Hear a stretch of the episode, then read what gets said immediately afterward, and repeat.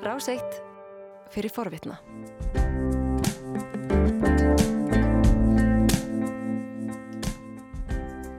Sæl á ný, þið eru að hlusta morgumvaktina á Ráseitt. Klukkanarðin liðlega hálf átt á þennan 50 dags morgun. Það er 29. februar í dag, hlaupársdagur. Og morgumvaktin tekur mið af því. Óvinnilegur þáttur á óvinnilegum degi.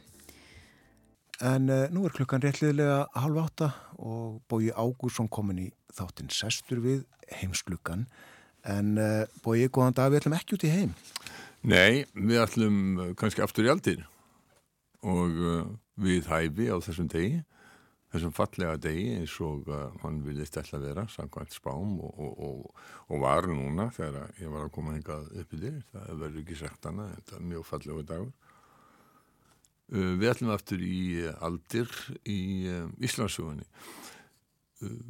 Það verður breyst verulega á undanförnum árum og áratugum jafnvel skilningur Íslendinga á sin eigin sögu en engu að síður og þá finnst manni mjög oft og maður heyri þetta í hátíðaræðum stjórnmálamanna að þá er ber enþá daldi mikið á þeim skilningi sem að varð á sögu okkar uh, varð til sent á 19. öld og í upphafi 20. aldar í sjálfstæðisbaráttunni um, um það að, að, hérna, að sagan hefði verið, þetta hefði verið gullöld og, og, og hérna Uh, og maður heyrði þetta enþá í ræðum stjórnmálamanna um, sem sagt og, og, og ég ætla svona að fara aðeins ofan í þetta mm -hmm. og uh, spila viðtalsbrot sem að eru úr uh, þáttum sem að voru gerði 2018 og hétt Fjöreg þjóðar voru byggðir á miklu ríti líftauglansins sem að koma út árið á undan um og er um utanrikisveslun Íslands, þetta er ílega veslun að saga uh, Íslands og þar með Íslands saga og uh, höfundar uh, þarna þeir sem að ég tala við, allt, við voru allt profesor við, við Háskóla Íslands Helgi Þorlóksson allt doktor og professor á Háskóla Íslands, Helgi Þorlóksson Gísli Gunnarsson og Anna Agnarsdóttir Gísli er nú láttinn til miður en eh, hann var í fullu fjöru þegar við rættum við hann á þessum tíma sko. Þjóðetnis og romantíkin á, á, á 19. og 20. öld hún varð íllu heilli til þess að upphefja svona það sem að ég kalla þjóðetnis kend, ég vil rembingi eða hróka og uh, þá var lítið á hér innlenda og, og þjóðlega sem æskilegt og jákvægt en, en það sem var erlend væri væri neikvægt, jafnvel hættulegt og ókveikjandi. Þannig að komaði upp hugmyndur um ásælni útlendinga, samsæri gegn þjóðinni og hræðsla við útlendinga sem á ættir að rekja að því að mér finnst til þessar, það sem ég vil kalla bara þjóðinni sem minnum átt að kenda. Það er ágættis hugtak. Já, út af sig. Mm. Sko, til dæmis í sambandslögunum 1918 þar sem að þar hverður önnur grein á um að Danir skuli njóta samaréttar á Íslandi og Íslandingar og öfugt. Uh, en í umræðu fyrir þá atkvæðagreyslu að þá um sambarsluðin og þá töldu sumir að það væri ekki hægt að samþykja þetta atkvæði vegna óta við að Danir myndi fjölmenna til Íslands og taka öll völd.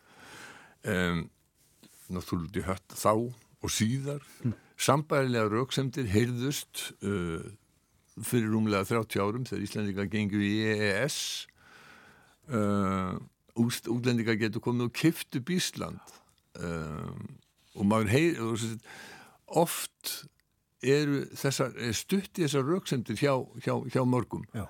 sem ég vil kalla bara óta við, við, við Íslandinga En hvað hefur uh, skapaði að segja uh, skoðun okkar á sögunni í dag? Já sko ég, hún er hún, hún er ekkit einlít sko en, þessi sögurskoðun sem ég er að vísa til hérna hún er engum uh, virðist manni sköpuð af, af skrifum og bókum Jónasar frá Siblu og Jónsjóð Aðils. Uh, og þetta er þessi skrifuðu kennslubækur sem voru kendar áratugum saman í íslensku skólakerfi. Jónasar frá Siblu sko bara alveg bókin kemur út einhvern sko, 1916, 17 eða allavega, og svo, ég raunar svo útgáða sem ég var að sá frá 24 og þetta er kent, sko, ég veit ekki, bara 70 eitthvað sliðis, ég veit ekki, ég ekki alveg kláraði en sko það má draga þetta saman í því að saga Íslands hafi verið þannig að, að hún byrjaði þegar að frjálsbornir höfðingjar í Nóri sættu sér ekki við kúun Haraldar Hárfara og flýðið til Íslands það sem ég sett á stopp fyrirmyndaríki og fyrsta löggefar Þing heims mm. Svo hafi komið gullöld Íslandíka sem hafi lokið þegar Gissur Þorvaldsson Jarl sveig þjóðina í hendur uh, Norris konungs með gamla sáttmála 1262. Þá hafi lagst yfir míðaldamirkur og það hafi ekki byrjað að róa til fyrir með fæðingu Jóns Sigurssonar 1811. Já, já, já. Til, já. Og Danir hafi kúað og arrænt þjóðina og selt henni maðkað mjöli í krafti svínslegar einokunarveslunar. Sko Jónas frá Hriblu, hann skrifaði í Íslandsugu sinni að norski stórbændur eh, hefðu flúi skatta ánöð þáraldar háfara. Skulum hlusta á Sigvald, Sigurlega hérna, eh, Júliusson, eh, lesa að kapla, Sigvald, já, eh, Sigvalda Júliusson, lesa kapla úr bók eh, Jónasar. En sjálfsegnar bændurnir kunnu þessu málum um illa, engum fastegnaskattinum sem konungur lagði á alla arsama jörð. Þóttu höldun og skattur þessi eins konar landskuld sem benti á að þeir veru allt í einu orðni leigulegar konungs. Og heldur en þóla þá smán vildu þeir flýja land og egnir. Ísland var þá nýfundið og látið vel að landkostum þar, þanga fóru margi stórbændur og Noregi beina leið. Beint úr Jónasi frá Hriblu. Beint úr Jónasi frá Hriblu. Sko þarna er í þessari ímynda þá búin til Gullöld sem var þjóð, þjóðvildisöldin uh, Dr. Helgi Þólarsson hann skrifar um fyrstu aldir Íslands í þetta ritt uh, sem að ég var að vitna í áðan líftöfulansins og hann telur að þessar skoðanir um þjóðviti séu viðsfjari raunveruleikanum. Hann skrifa meðal annars í vitund margra eru fyrstu aldir Íslandsbyggðar baðaðar í ljóma, landi var óspilt, lofslag gott og fyrirni frægótt og hafskipi förum. Eh, Helgi rætti þetta í þáttónum um eh, fjöreg þjóðar. Þú segir að hinn mynda gullöld sé að miklu leiti tilbúningur frá því um 1900 og sagan, þetta er mín orð sé kannski meira hluti af sjálfstæðisbaróttunni hafi snúist um að skapa ímynd eh, og láta staðrindir ekkert flækast fyrir sér Já, já, þetta er þekkt fyrirbrið, þetta kemur upp á 19. öll þegar að ímsum Þetta er í hug að ágæðinur hópar fólks séu þjóðir með sín sérkenni og sín hagsmunamál og eigi að vera sjálfstæðar og um, þá vantar þar einhverja fyrirmyndir, kvartningu og þær finna yfirleitt fyrirmyndir og kvartningu í fortíðinni það er uppgöta gullaldir. Þetta er markvöldur einsla margra þjóða. Þetta er ekki séríslitt fyrirbrið Þetta er ekki séríslitt fyrirbrið, nei. Menn bara leitað gullaldin og finna hana.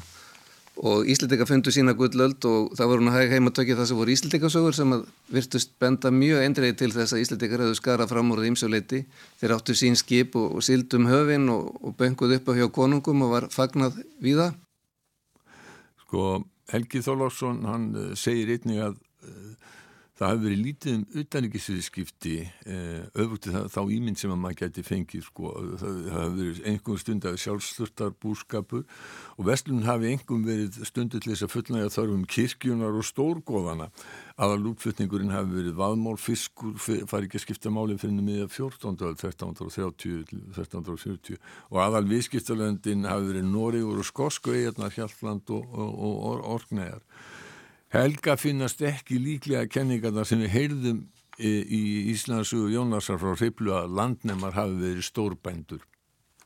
En þessi hugmyndu um sko að hver einasti landnámsmaður hafi átt glæsilegt skip, svona af gokkstaðgerð, maður þekkja gokkstaðskipið í Oslo, eh, hún er nú ekki samfærandi sko því þetta er náttúrulega dýr skip og við verðum þá að gera ráð fyrir því að þetta verður miklir efnamenn sem almennt voru landnemar á Íslandi og það verður að teljast heldur ólíklegt eða hvað? Já, það er náttúrulega hluta þessari glæsi mynd en akkur hefðu efnamenni Nóri átt að setja þetta á Íslandi, ég veit það ekki alveg sko, við gerum frekar áð fyrir því að það veri þeir sem að stóðu höllum fæti einhverju leiti sem áttu ekki jarnæði næstelstu sínir eða ungir sínir sem að komi svo við á, á Suðurauðum og fengum sér konfang þar og fóru til Íslands. Þetta er svona myndin sem við höfum núna, gróðan dráttum. Helgi Þólagsson. Og oft er sagt og lengi hefur verið að eh, Danir hafi verið vondir við okkur. Já, það er rétt. Og ekki síst er einoguna vestlun talin til eh, dæmis um það. Sko, mínum að þetta voru dönsk stjórnvöld ekkert verið við Íslandinga en fólk í öðrum hlutum Danaveldis. Eh, einoguna vestlun, hún var ekki sett á til þess að arræna Íslandinga sérstaklega. Hún, þetta er hluti af merkantilisma eða kaupaðugi stefnu sem var mjög tísk á þessum tíma. Já. Uh, Jóhanna Þótt Guðmustóttir sakfræðingur uh, hún skrifar á vísindavifinum þessa ímynd einogunar veslunarinnar og nú vitna ég til hennar hún er hún á rætur að rekja til þjóðverðnislegra sagnaritunar sem spratt upp úr sjálfstæðisbaróttinni í lók 19. aldar og fyrir hluta 20. aldar þar sem dönum var kent um flest sem aflaga fór á Íslandi Má þar nefna sem helsta fulltrú á þjóðurnis hugmyndasakfræðingin Jón Jóð Aðils og Íslandsögu Jónasar Jónssonar frá Hriblu sem kent var í barnaskólinn hér á landi allt fram á síðustu ára og 10-20. aldar. Þessi sögurskoðun var við líði langt fram eftir 20. öld en er nú á miklu undanhaldi eh, tilvitnum líkur í það sem að Jóhanna skrifaði. Þetta er á vísindavefin það sem að hún er að svara spurningunni seldu Danur Íslandingum maðka mjöl minni mig. Já. Um, Mári Jónsson hann skrifaði síðan á, á, á, á vísindavið með sömuleiðis að vorið 1602 hafi tekist samningar um að kaupmenn í eh, Málmei, Helsingæri og eh, fengju uh, já, kaupmenn af Málmei og Helsingæri fengju engaleifi til allar vestlunar á Íslandi. En Málmei var þá hluti Dan, Dan, Danaveldis en er þetta nú í Svíþjóð Uh, Máskrifar rauksemdi Kristjáns fjörðadana konus og ráðunita hans voru á þá leið að síðustu áratvíðin á undan hefði erlendir kaupmenn, þýskir og enskir greitt meirinn nóg á Íslandsveslun og komið væri að dönskum kaupmennum að njóta ágóðans. Kaupmenn í borgonu þremur töldi sér full færa um að taka verkefnið að sér og hefði til þess nógu mörg skip og aðgangað nægum varningi til sölu á Íslandi. Uh, og uh, þetta skrifa már, sko breytingunum var vissulega ætlað að heldur áfram að, að, að tryggja hagsmunni danskra kaupmana en það er áttu líka vera Íslandingum til hagsbóta sem á annar ból stunduði við skipti því innflutt vara átti að vera vönduð og bjórin góður en verlag sangjart og réttar vógir á ábyrð íslenska manna. Var hveðið á um þetta? Já, tilvitnum líkur uh, frá, frá Má Jónssoni. Gísli Heitin Gunnarsson sem var professor við H.I. Líkt og aðri viðmælandur sem við heyrðum í þessum heimskluka, hann skrifaði upp úr doktorsrítgerðsinn í bókina Upperbóðið Ísaland, einokonna vestlun og Íslands samfélag 1627-1787 og hann hétti fram að einokonna vestlun hefði í raun hafist hálfri öll fyrr Í raunum veru var komið á einókun á Íslandi við síðaskipti 1550. Þegar Danakonungur hafði hug á því að veita dönskum kaupmunum allt Ísland þeirru ekki skipa kostið þess svo hann greip til Þískara borga í staðin og á sittni hluta 18.16. aldar þá eh, seldan hamburgarmönnum, engum hamburgarmönnum þegar þeir komu brímur um burt E, einuguna rétt á íslenskum höfnum. Og þar að leiðandi það sem gerir 1602 er ekki annað en það að hann tekur einuguna leifin frá Hamburgerkaupmannunum og setti þar í hendur e, danskra kaupmanna í Kaupmannahöfn í Helsingæri og Malmö. Gísli talaði líka um bakgrunn einoguna vestlunarinnar og merkantilismann Á þessum tíma er verið að gera upp, ganga frá svo að segja, uh, lénskipula í miðaldan. Það tóknar að og helstu stuðnismenn konunga við það voru borgarbúar, engum ríkir borgarbúar og svo ennbættismenn hans, því ennbættismennavaldi var mjög vaksandi. Og uh, einogunarveslunin gerði það verkum að það eru til þjóðuríki. Nei, hérna merkantilismin gerði það verkum að það var skapað þjóðuríki þjóðríki sem hafa það fyrir markmið að þar er þið allar mæleiningar eins ein mynd í landinu uh, sams fullkomin frjálsveslun innan þjóðríkisins. Nú var allt anaveldi að einni held frjálst innan þess nema auðvitað að konungur gætt veitt ákvönum kaupmönum enga lefi að vestla á ákvönum útskíkum eins og Íslandi. Já, um, þetta er sem sagt uh, var Gísli Gunnarsson, doktor Gísli Gunnarsson sem að nú er látin, að hann held í líka fram að stóra bóla 1707 hafi verið miklu meira efnahagslegt áfall en móðuharðindin eftir 1783 eh, og þetta kom fram þegar við vorum í þessum þáttum að ræða af hverju fiskveidar hefðu dreyist saman á fyrir hlut átjándu aldar. Stóra bóla gekk hér yfir 1707-1708. Eh, það er talið að 25% Íslendinga hafi dáið í stóru bólu. En þetta var ekki hvaða fólk sem var.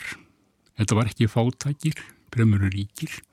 Þetta var ekki hérna gamlir og mjög ungir, frekarinn best fólk á besta. Þetta var fólk á besta aldri vegna þess að 35 árum fyrr að það gengi hér bólusótt.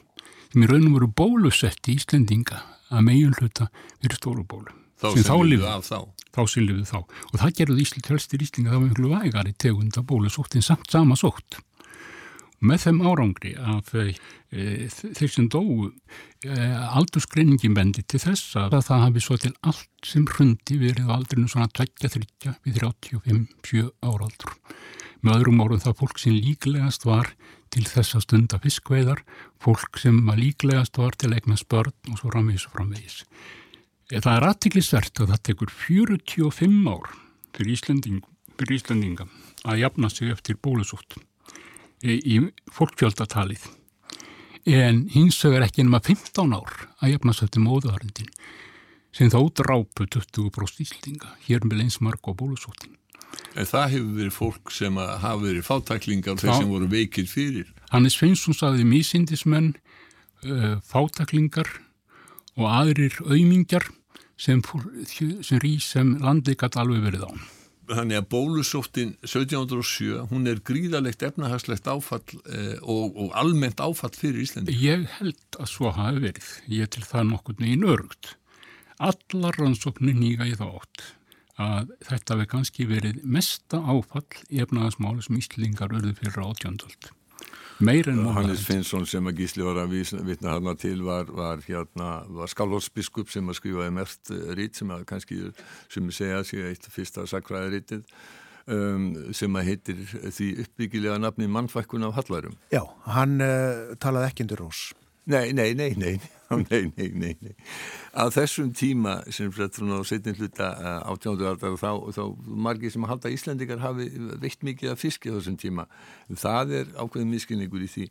Sko það eru heimildur um það að það hafi verið 1771 á milli 3 og 400 erlend skipi fiskveðar á Íslandsmiðum og við spurðum önnu Agnarsdóttur af hverju Íslandingar hefði ekki stundan meiri fiskveðar.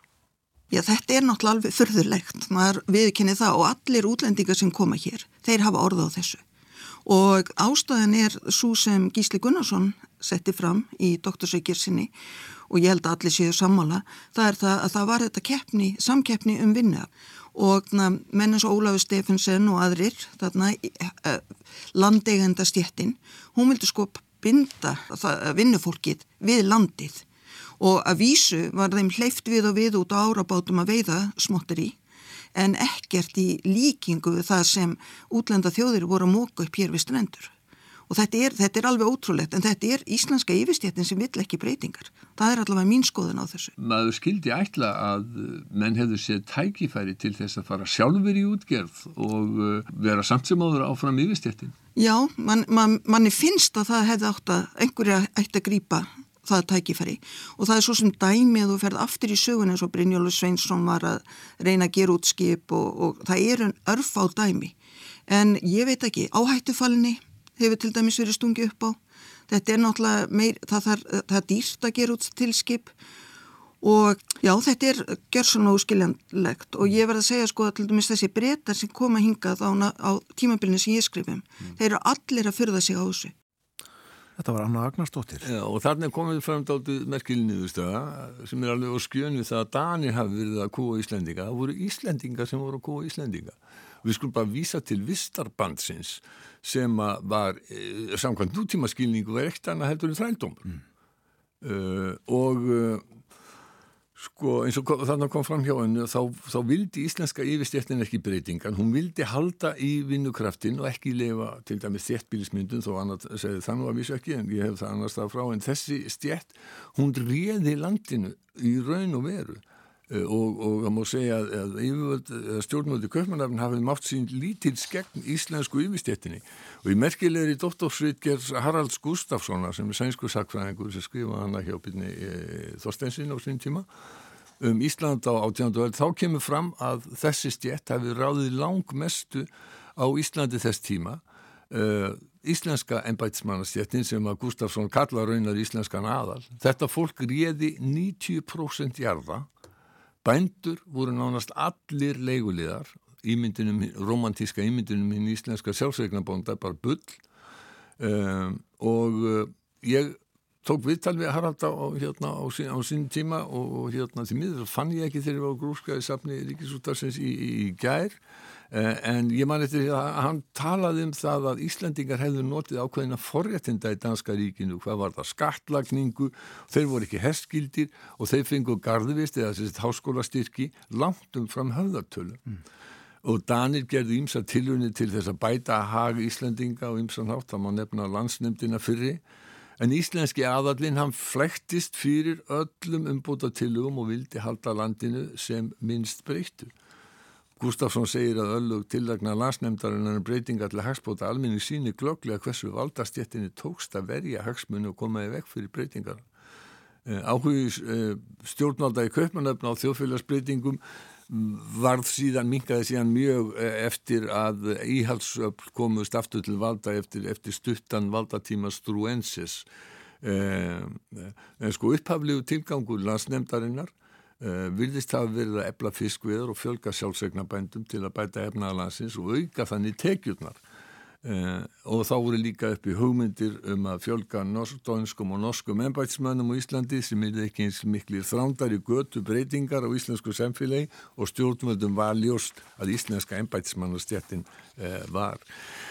Já, þetta er sagt, partur af, af því sem að maður hefur haft sem aðtóðasemtir við, við þennan hefðbundna ef við getum sagt, gengið svo djúft að söguskilning uh, Íslandinga og svo, svo skulum við líka muna það að sagan hefur lengst að verið skráð sem saga merkilega reyna að gera sér alveg að karla.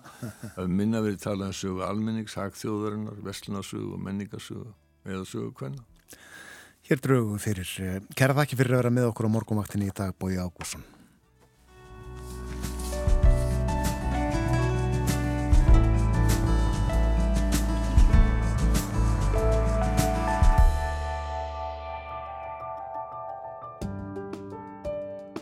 varst að hlusta á hlaðvarpsþátt frá Rás 1. Ef þið langar til að heyra meira, farðu þá á rúf.is skástrygg hlaðvarp eða spilaran á rúf.is skástrygg útvarp. Rás 1 fyrir forvitna.